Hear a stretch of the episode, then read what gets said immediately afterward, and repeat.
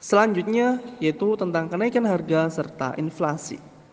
Eh, apa sih inflasi?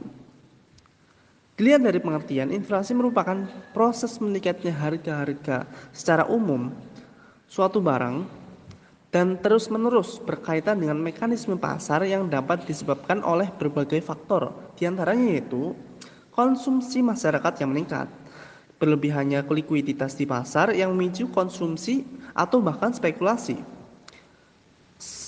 Kemudian sampai termasuk juga akibat adanya ketidaklancaran distribusi barang. Ya, di sini ada berbagai macam. Ada empat teori yang menyatakan atau menjelaskan mengenai inflasi.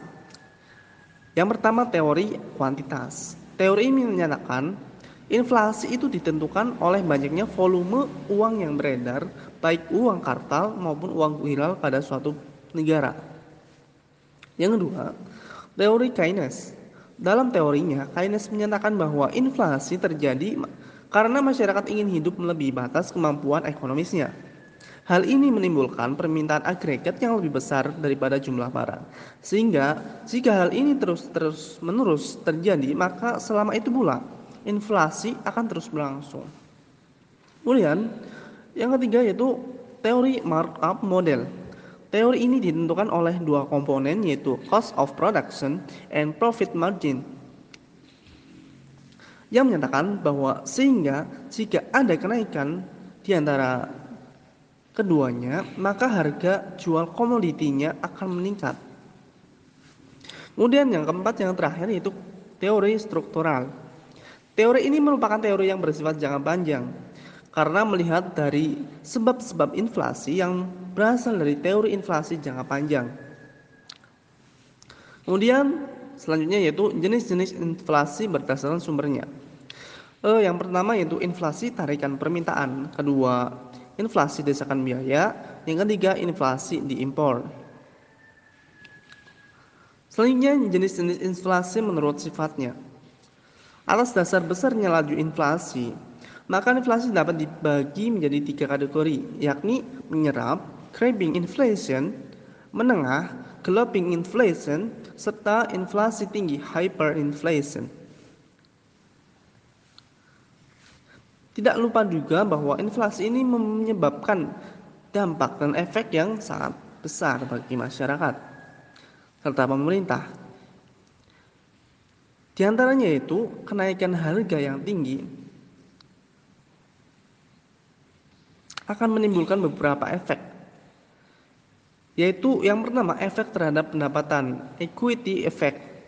Efek inflasi terhadap pendapatan yaitu maka pendapatan yang ada pada pemerintahan tidaklah merata. Ada yang diuntungkan namun juga ada yang dirugikan. Yang diuntungkan yaitu mereka yang mempunyai harta kekayaan bukan dalam bentuk uang. Seperti properti, emas, dan lain sebagainya. Namun di sisi lain ada juga yang dirugikan yaitu mereka kaum bekerja yang menimpa, menyimpan hartanya dalam bentuk uang saja. Kemudian yang kedua, efek terhadap efisiensi, efisiensi efek. Inflasi dapat pula berubah, mengubah pola alokasi faktor-faktor produksi. Perubahan ini dapat terjadi melalui kenaikan permintaan akan berbagai macam barang yang kemudian mendorong terjadinya perubahan dalam produksi berbagai barang tertentu. Selanjutnya yaitu efek terhadap output. Output efek. Tidak ada hubungan langsung antara inflasi dengan output. E, namun inflasi bisa dibarengi dengan kenaikan output, tetapi bisa juga dibarengi dengan penurunan output. Nah, selanjutnya yaitu cara untuk mencegah inflasi. Untuk mengatasi inflasi, pemerintah melakukan berbagai kebijakan sebagai berikut. Yang pertama, kebijakan moneter, yaitu kebijakan dengan melalui peraturan pengaturan jumlah mata uang yang beredar pada suatu negara. Kemudian yang kedua, kebijakan fiskal, yaitu kebijakan ini e, berupa pengeluaran pemerintah serta perpajakan yaitu yang dimaksud dengan itu pengeluaran dana dari pemerintah akan dikurangi serta perpajakan akan dikurangi pula. Ataupun juga bisa dinaikkan. Yang kemudian kebijakan yang berkaitan dengan output. Kebijakan ini dapat dilakukan dengan menurunkan biaya cukai yang masuk sehingga meningkatkan impor barang.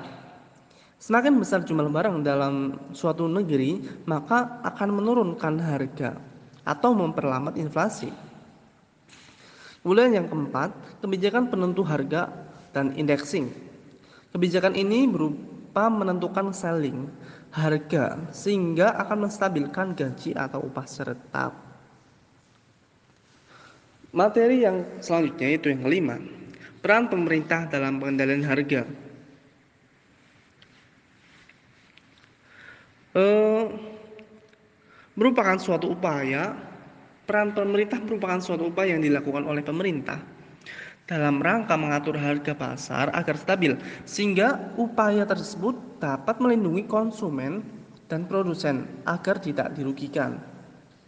Nah, di sini eh, ada jenis-jenis kebijakan pengendalian harga.